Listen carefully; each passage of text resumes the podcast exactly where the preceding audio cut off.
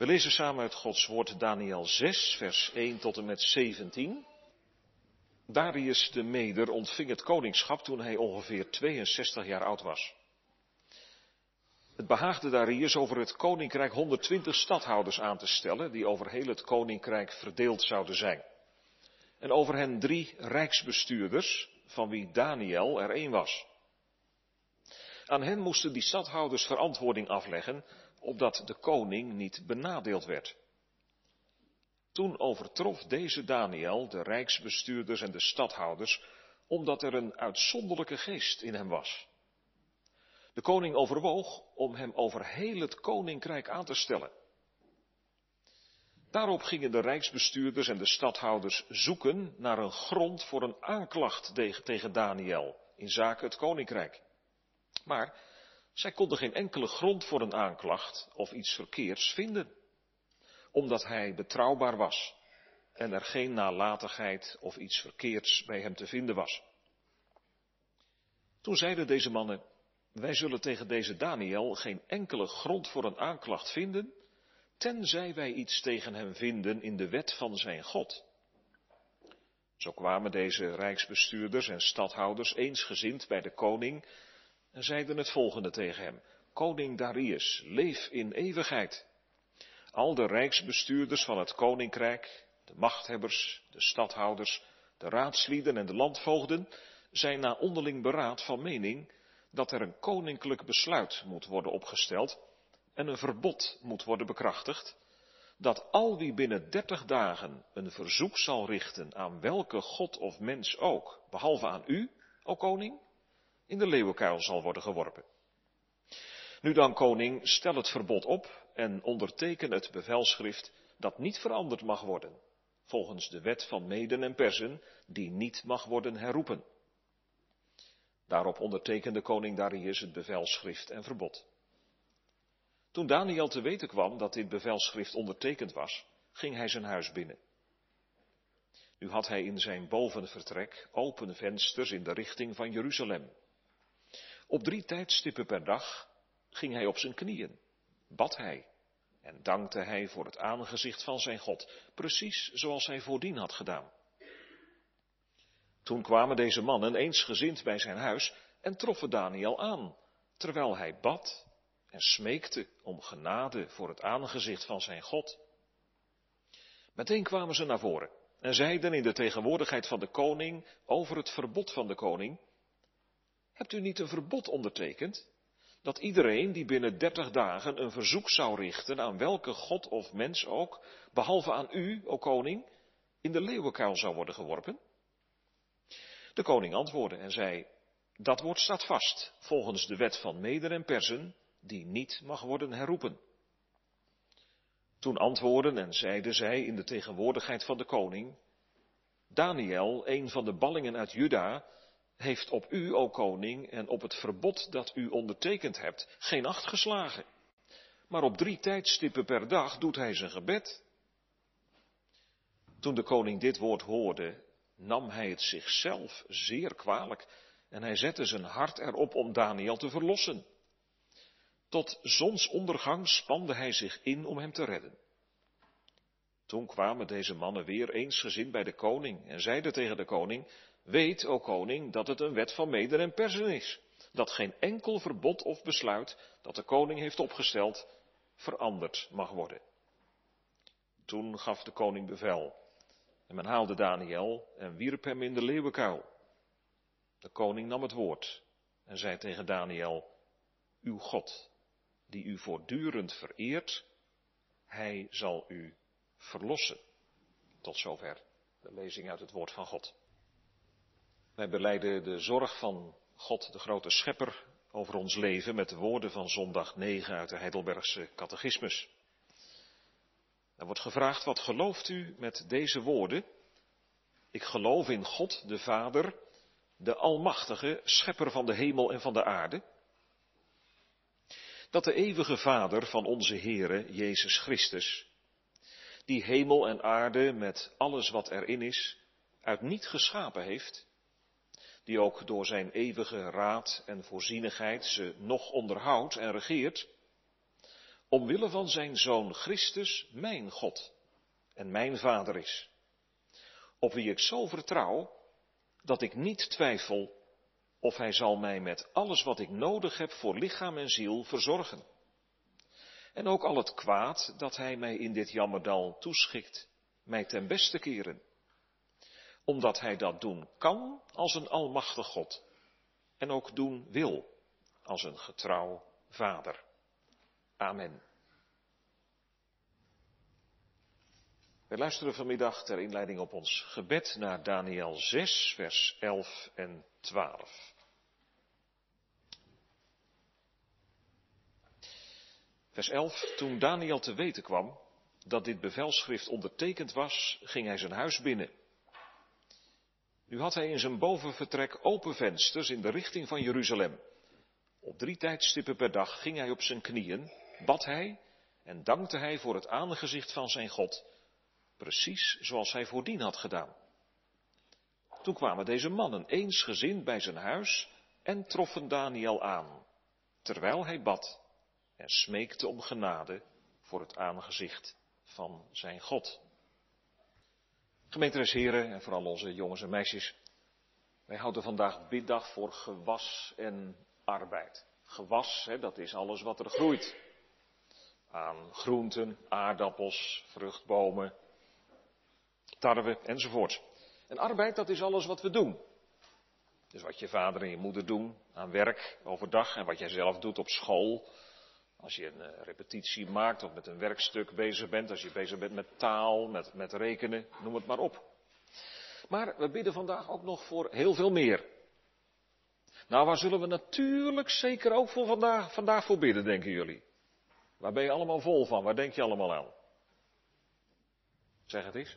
Waar is de hele wereld momenteel vol van? Waar gaan we voor bidden? Zeg het eens, steek je vinger eens op. Weet jullie het echt niet? Waar, waar is er oorlog op dit moment? Waar is dat? Oekraïne. Ja, daar gaan we natuurlijk ook voor bidden straks. Hè? Verschrikkelijk. Heel veel kinderen zijn vaak samen met hun moeder op de vlucht geslagen. Vader niet. Die moet vechten. Nou, we bidden dat de Heer voor al die mensen zal zorgen en dat die oorlog heel snel mag ophouden. Nou, jullie weten hè, wat, wat bidden is. Het is spreken met God, alles tegen Hem zeggen wat er van binnen in je leeft. Misschien heb je het wel eens als je uit school komt, dat je meteen naar je moeder gaat. Hè? Laat ik maar er even vanuit gaan dat die, dat die thuis is. Hè? En dat je alles vertelt wat je op school hebt gemaakt, eh, meegemaakt. Leuke dingen. Nou, soms misschien ook wel dingen die niet zo goed gingen of nare dingen die gebeurd zijn. Nog veel heerlijker is het om je hart te mogen uitstorten bij de Here. Dat is net als een fles water die je omkeert en die je laat leeglopen tot de laatste druppel toe. Dat is eigenlijk ook bidden. Bij de Heere kun je dat doen en mag je dat doen. Want Hij kent je helemaal. Je mag alles aan Hem vertellen. Je verkeerde dingen, maar ook de dingen waar je blij mee bent. Zeg het maar eerlijk, als je lelijke woorden tegen iemand hebt gezegd. Maar zeg het ook maar als je dankbaar bent, als je mooi cijfer haalde. Vertel het hem maar. Als je opa ziek is. Of ook als je opa beter is geworden. Maar stel je nou eens voor dat er iemand tegen jou zegt: Jij mag vanaf dit moment niet meer bidden. Pas op. Als je naar de kerk gaat of als je gaat bidden, dan pakt de politie je op en dan word je in de gevangenis gegooid. Nou, gelukkig is het zo bij ons niet. Maar er zijn andere landen waar het wel zo is. Vanmiddag gaat het over een man bij wie dat ook zo was. Daniel. En toch houdt hij het vol om te bidden. Nou, dat gaan we met elkaar zien. Daniel bidt. Dat is het thema van de preek. Daniel bidt. Dan zien we drie dingen. Hij mag niet bidden. Hij bidt toch. En wat hij bidt. Dus Daniel bidt. Hij mag niet bidden. Hij bidt toch. En wat hij bidt. Daniel is een Joodse man die een prachtige naam draagt. De Heere is mijn rechter. Daniel is op dat moment ver van huis.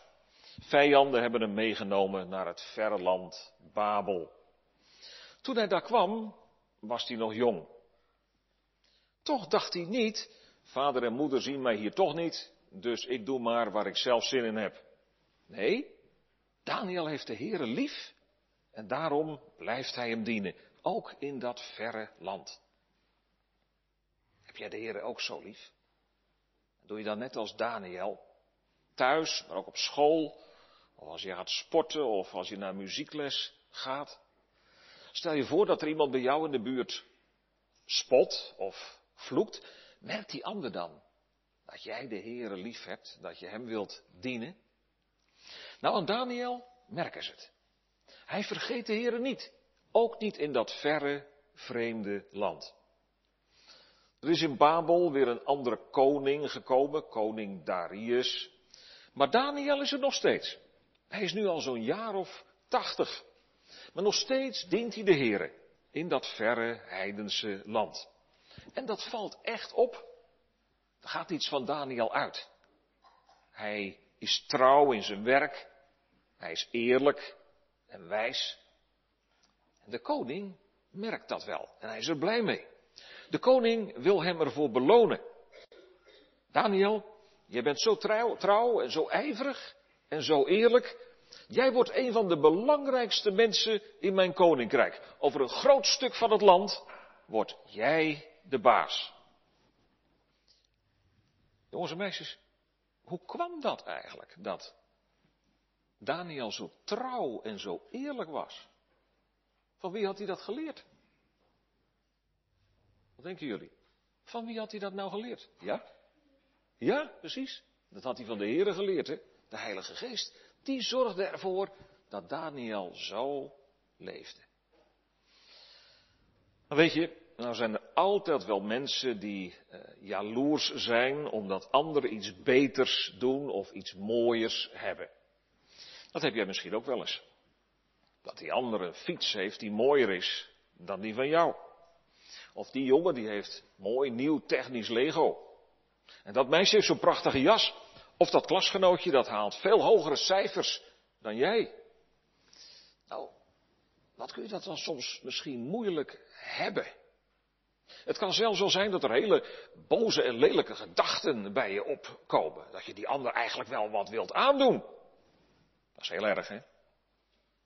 Vraag dan aan de Heer maar om vergeving. Heren, helpt u mij om dat niet meer te denken.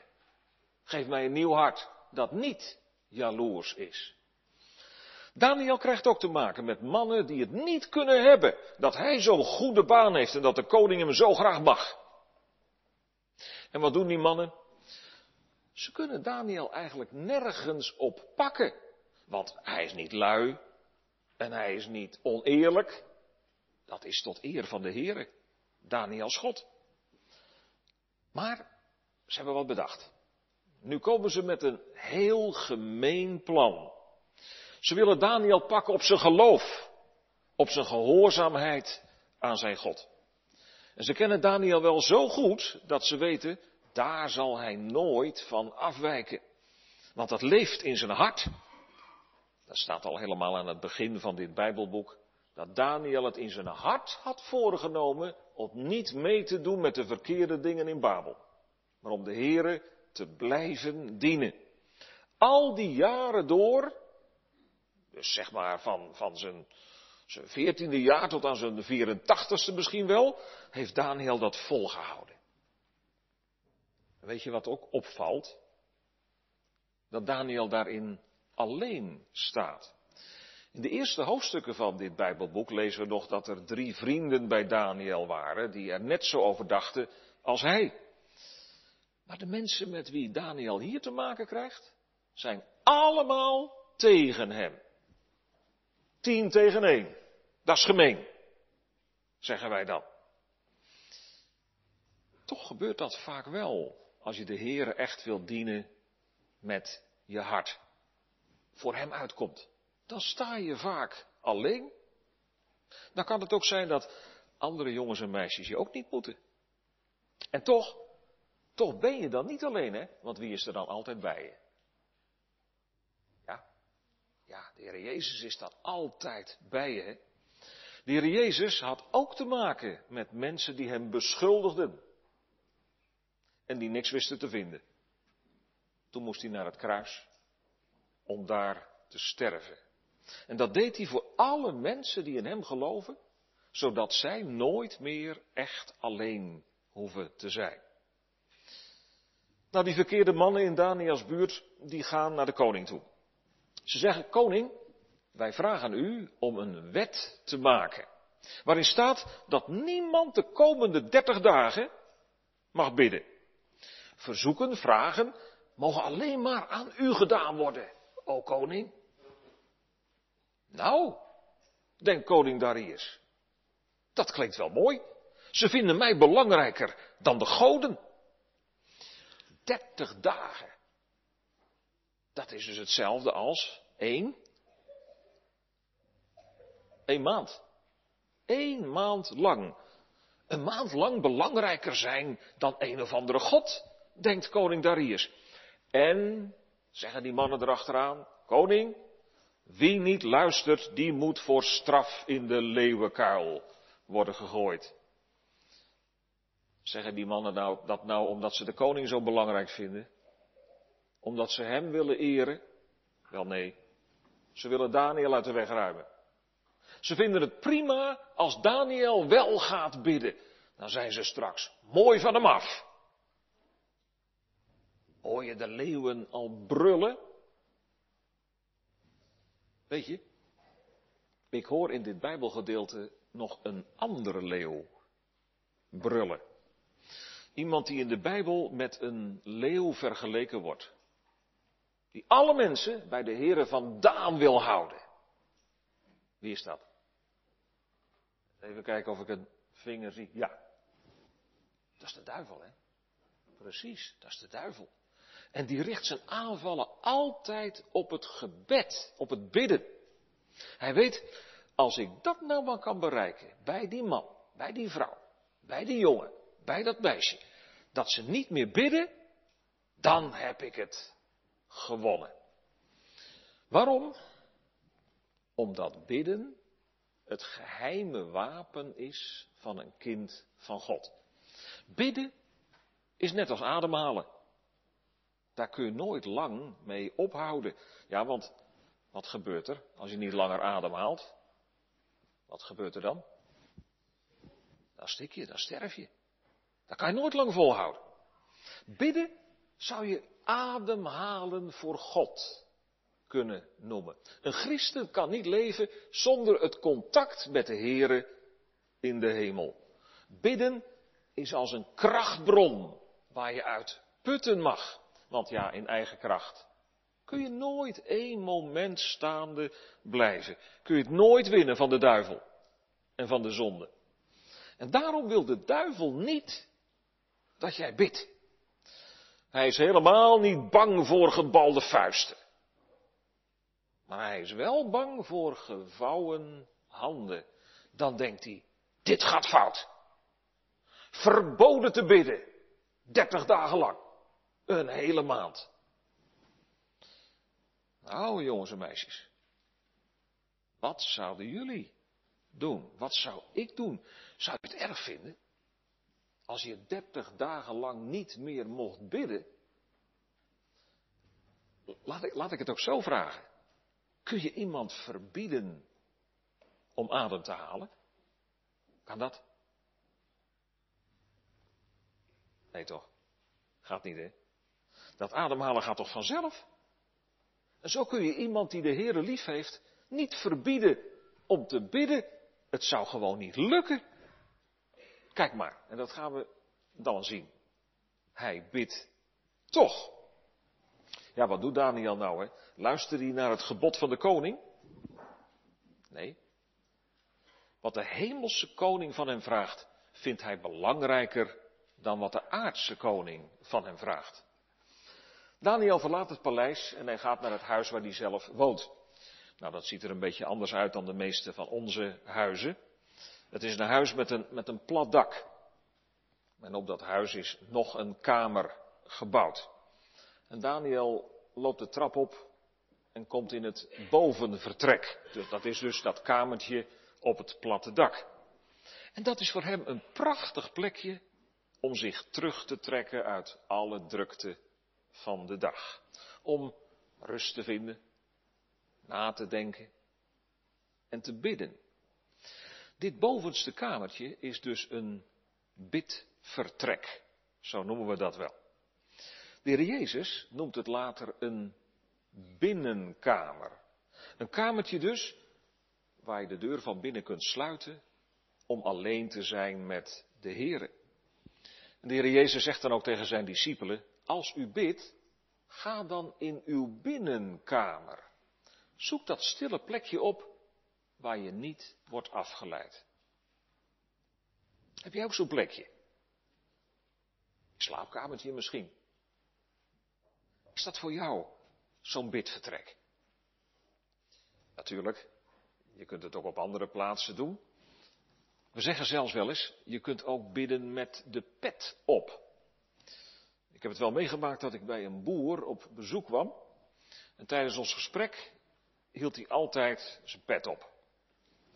En als we dan gingen bijbellezen en bidden, dan deed hij zijn pet af. Dat deed hij uit eerbied voor de Heer. Maar zei hij toen tegen me, ik bid ook wel eens met de pet op. Als hij in de stal liep, of als hij zijn koeien aan het melken was, zomaar stilletjes voor zichzelf bidden tussen het werk door. Dat noemen we wel eens bidden met de pet op. Dat kan je moeder doen als ze de bedden opmaakt. Dat kan je vader doen als hij achter het stuur van zijn auto zit. En misschien heb jij dat ook wel eens. Als je bezig bent met je huiswerk. Of als je repetitie aan het maken bent op school en je komt er even niet uit. Dat je dan zo heel stilletjes zegt, Heere, help mij. Dat is bidden met de pet op. Nou, dat mag ook, dat is helemaal niet verkeerd. Toch hebben we het ook nodig om altijd weer dat stille plekje op te zoeken, waar we steeds weer met de Heere spreken. Van die binnenkamer van Daniel, dat bidvertrek, lezen we in de Bijbel nog iets. Hij heeft dat kamertje laten bouwen met open vensters. Als hij daar doorheen kijkt, dan kijkt hij in de richting van de stad Jeruzalem. En dat is de belangrijkste stad voor de Joden, heel ver weg. En die stad ligt op dat moment in puin, omdat Israël ongehoorzaam was geweest aan de Here. In die tijd hadden de huizen geen ramen met glas, maar gaten in de muur met tralies ervoor. Dus misschien kunt je het een klein beetje vergelijken met de vorm zoals we dat hier zien. Dit is dan glas, maar een beetje met die spijlen zo erin. Hè?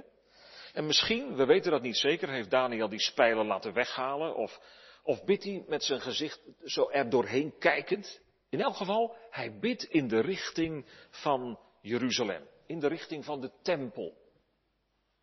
Maar die tempel is op dat moment kapot. Toch bidt hij in de richting van Jeruzalem om aan die tempel te denken. Om aan God te denken. Dan denk je misschien, ja maar als die tempel nou kapot is, dan, dan heeft de duivel het toch gewonnen van God. Nou, in elk geval wil de duivel proberen ook de gebedsplaatsen buiten Jeruzalem te laten verdwijnen. Zoals dat kamertje van Daniel.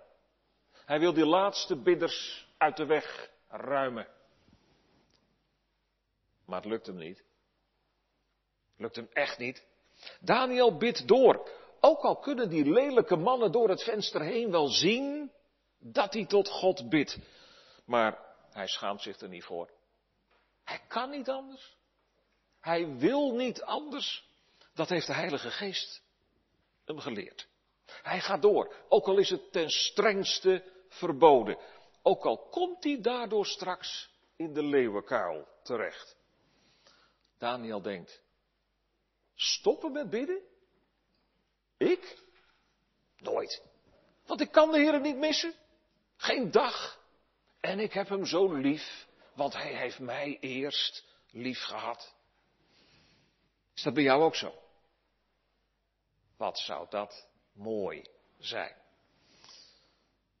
Nou denken wij misschien wel eens, ik heb al zo vaak gebeden, maar het helpt allemaal niks. Misschien heb je ook wel bijvoorbeeld gebeden dat de oorlog in Oekraïne stopt. Gaat dan maar steeds door. Moet ik dan wel doorgaan met bidden? En misschien hoor je ergens wel eens een klein beetje een stemmetje van binnen dat zegt, joh, stop er toch mee, bidden helpt toch niet. Nou, wat kunnen wij dan veel van Daniel leren? Daniel stopt niet. Hij gaat door met bidden. Nooit stoppen, want dan krijgt de duivel zijn zin. Lees je Bijbel, bid elke dag. Ook als je er misschien geen zin in hebt. Ook als je misschien wel eens even te moe bent om te bidden. Veel mensen denken dan, ik sla maar een keertje over. Maar ik denk dat ze dan heel wat keertjes overslaan. Want wij hebben allemaal een hart dat denkt dat we wel zonder de Here kunnen. Even een voorbeeld. Heb jij nou altijd evenveel zin om te eten? Vast niet. Toch doe je het. Want je moeder roept je. En je weet ook wel dat het wel goed is om te eten. Zo is het ook met bidden. De Heere roept ons om te bidden. En wij weten vanuit de Bijbel ook dat het goed is om te bidden. Regelmatig. Op vaste tijden, dat is ook belangrijk. Daniel bad drie keer per dag. Nou, ik denk dat, uh, steek je vinger maar eens op, wie van jullie is gewend om een avondgebed te doen.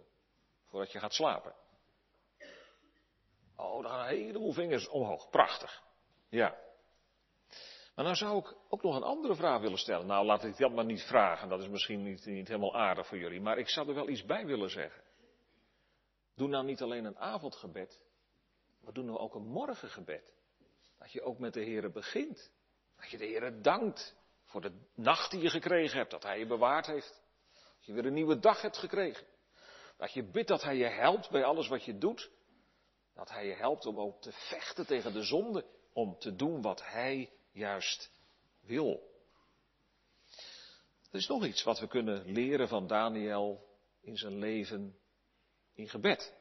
Hij knielt bij het bidden. Nou, je weet wel, als je knielt, dan maak je jezelf heel klein. En dan wordt de Heere alleen maar groter. Hij alleen is machtig om te helpen en te zorgen om mij te geven wat ik elke dag nodig heb om voor Hem te leven? Knielen, dat zegt eigenlijk, ik ben helemaal afhankelijk van de Heere, de grote koning. Voor Hem heb ik eerbied. Natuurlijk, we doen het ook wel eens anders. Als je op school bent en als je thuis aan tafel zit en ook hier in de kerk, dan, dan zitten we bij het bidden. Nou, dat is niet verkeerd.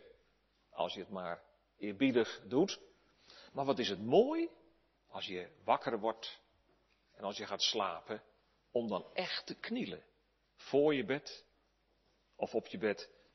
Het helpt je ook nog eens om goed na te denken bij wat je bidt. Want ja, ik weet niet hoe het jou vergaat, maar als je dan denkt, oh ja, ik moet de avondgebed ook nog doen, maar ik ben alvast in bed gaan liggen.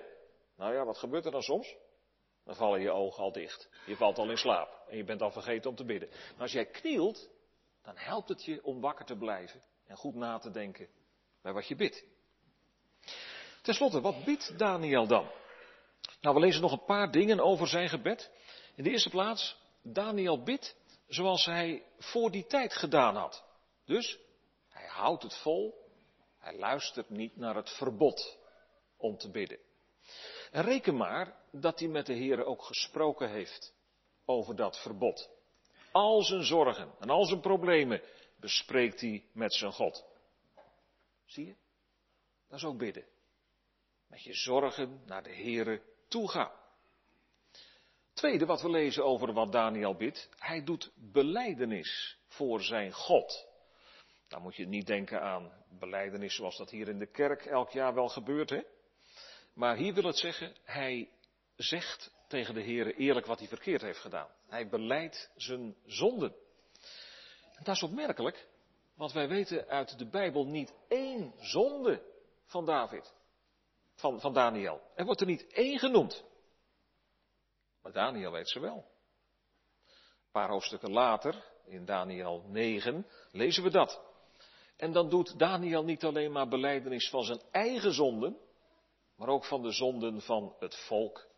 Wij hebben gezondigd, zegt hij dan. Kijk, als de Heilige Geest in ons gaat werken, dan gaan wij zien dat we een zondig mens zijn. En dat vertel je dan ook eerlijk aan de Heer. Maar je gaat ook bidden voor anderen. Voor ons Nederlandse volk, waarvan heel veel mensen niet meer van God willen weten. Heren, bekeer ook hen tot u. Die buurman van ons, die nooit meer naar de kerk gaat. Dat moslimmeisje bij ons in de straat. Je gaat bidden voor heel de wereld. Waar het op dit moment zo moeilijk is. Voor al die mensen die vluchten moeten, bijvoorbeeld. Beleidenis doen voor God. Dat betekent ook dat je de Heere groot maakt, prijst in je gebed. Heere, u bent zo groot, u bent zo machtig. Er is niets wat u niet kunt doen. En u bent zo goed en u bent zo liefdevol dat u uw zoon naar deze wereld hebt gestuurd. Daar dank ik u voor. Dat u, Heere Jezus, aan het kruis wilde gaan. En dat ik zo gered kan worden. Het derde wat de Bijbel ons vertelt over Daniels gebed is dit.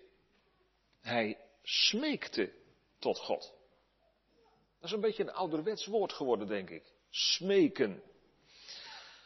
Toch begrijpen we denk ik wel, hè? als iemand het moeilijk heeft, dan kan hij een ander smeken. Help mij, alsjeblieft. Als jouw moeder je iets beloofd heeft, ga je er soms op aandringen dat ze het nou ook echt doet. Mama, u hebt het toch beloofd? Nou, dat is smeken. Daniel leefde dicht bij het woord van God. Hij las veel in de boeken van de profeten. En zo had hij in de boekrol van de profeet Jeremia gelezen dat de Heere na 70 jaar zijn volk weer zou terugbrengen uit Babel. En wat doet Daniel dan? Dan gaat hij de Heere smeken. Dringend vragen om te doen wat hij beloofd heeft. Hij gaat vragen dat de tempel in Jeruzalem weer opgebouwd mag worden. En daar blijft hij om bidden. Ook nu het hem verboden wordt. Dus, jongens en meisjes, bidden met de Bijbel erbij. Weet je, jaren geleden gingen ze eerst een keer op bezoek met een ouderling. Gingen we samen naar een gezin toe. En weet je wat die ouderling zei tegen die mensen? Weet je hoe je bidden mag? Je mag bidden met de Bijbel open. En je ogen open en de vinger erbij. En zeggen, Heere God, hier staat het toch. U hebt het toch zelf beloofd? Nou kijk, dat is nou smeken. Bidden en Bijbel lezen, die horen helemaal bij elkaar. En dan mag je ook denken aan je doop. Dan mag je wijzen op je voorhoofd. Heere God, u hebt het toch aan mij beloofd. Dat u mijn God wilt zijn. Dat u voor mij zorgen wilt. Dat u mij redden wilt. Nou, naar zo'n gebed wil de Heer graag luisteren.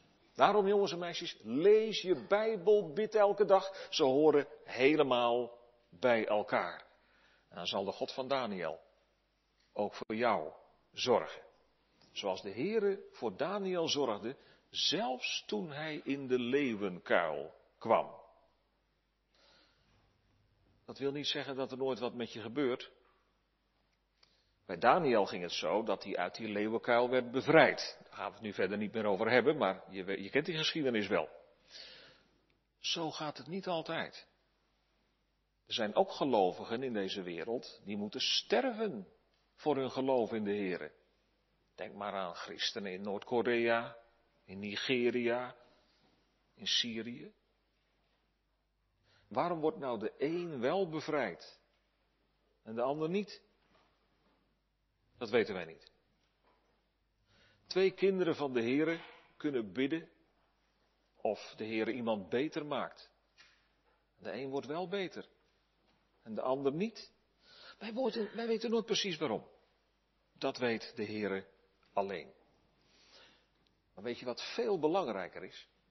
Om te weten dat de Heere bij je is. Hoe het ook gaat in je leven. In de leven, levenkuil, net zoals Daniel, of daarbuiten. Als je beter wordt, of als je gaat sterven.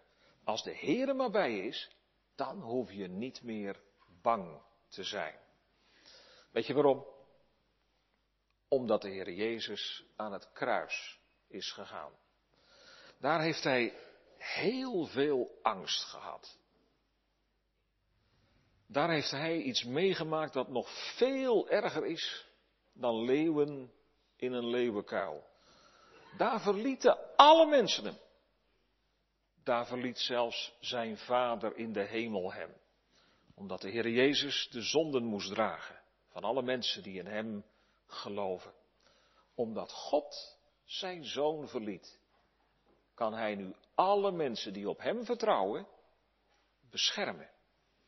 En als een kind van God toch moet sterven om zijn geloof, haalt hij zo'n christen thuis in de hemel. Als jij het moeilijk hebt, als jij niet meer ziet of weet hoe het moet, denk dan aan de God van Daniel. Bid tot Hem en blijf dat vooral ook doen. Vertrouw je maar helemaal aan Hem toe. Elke dag. Amen.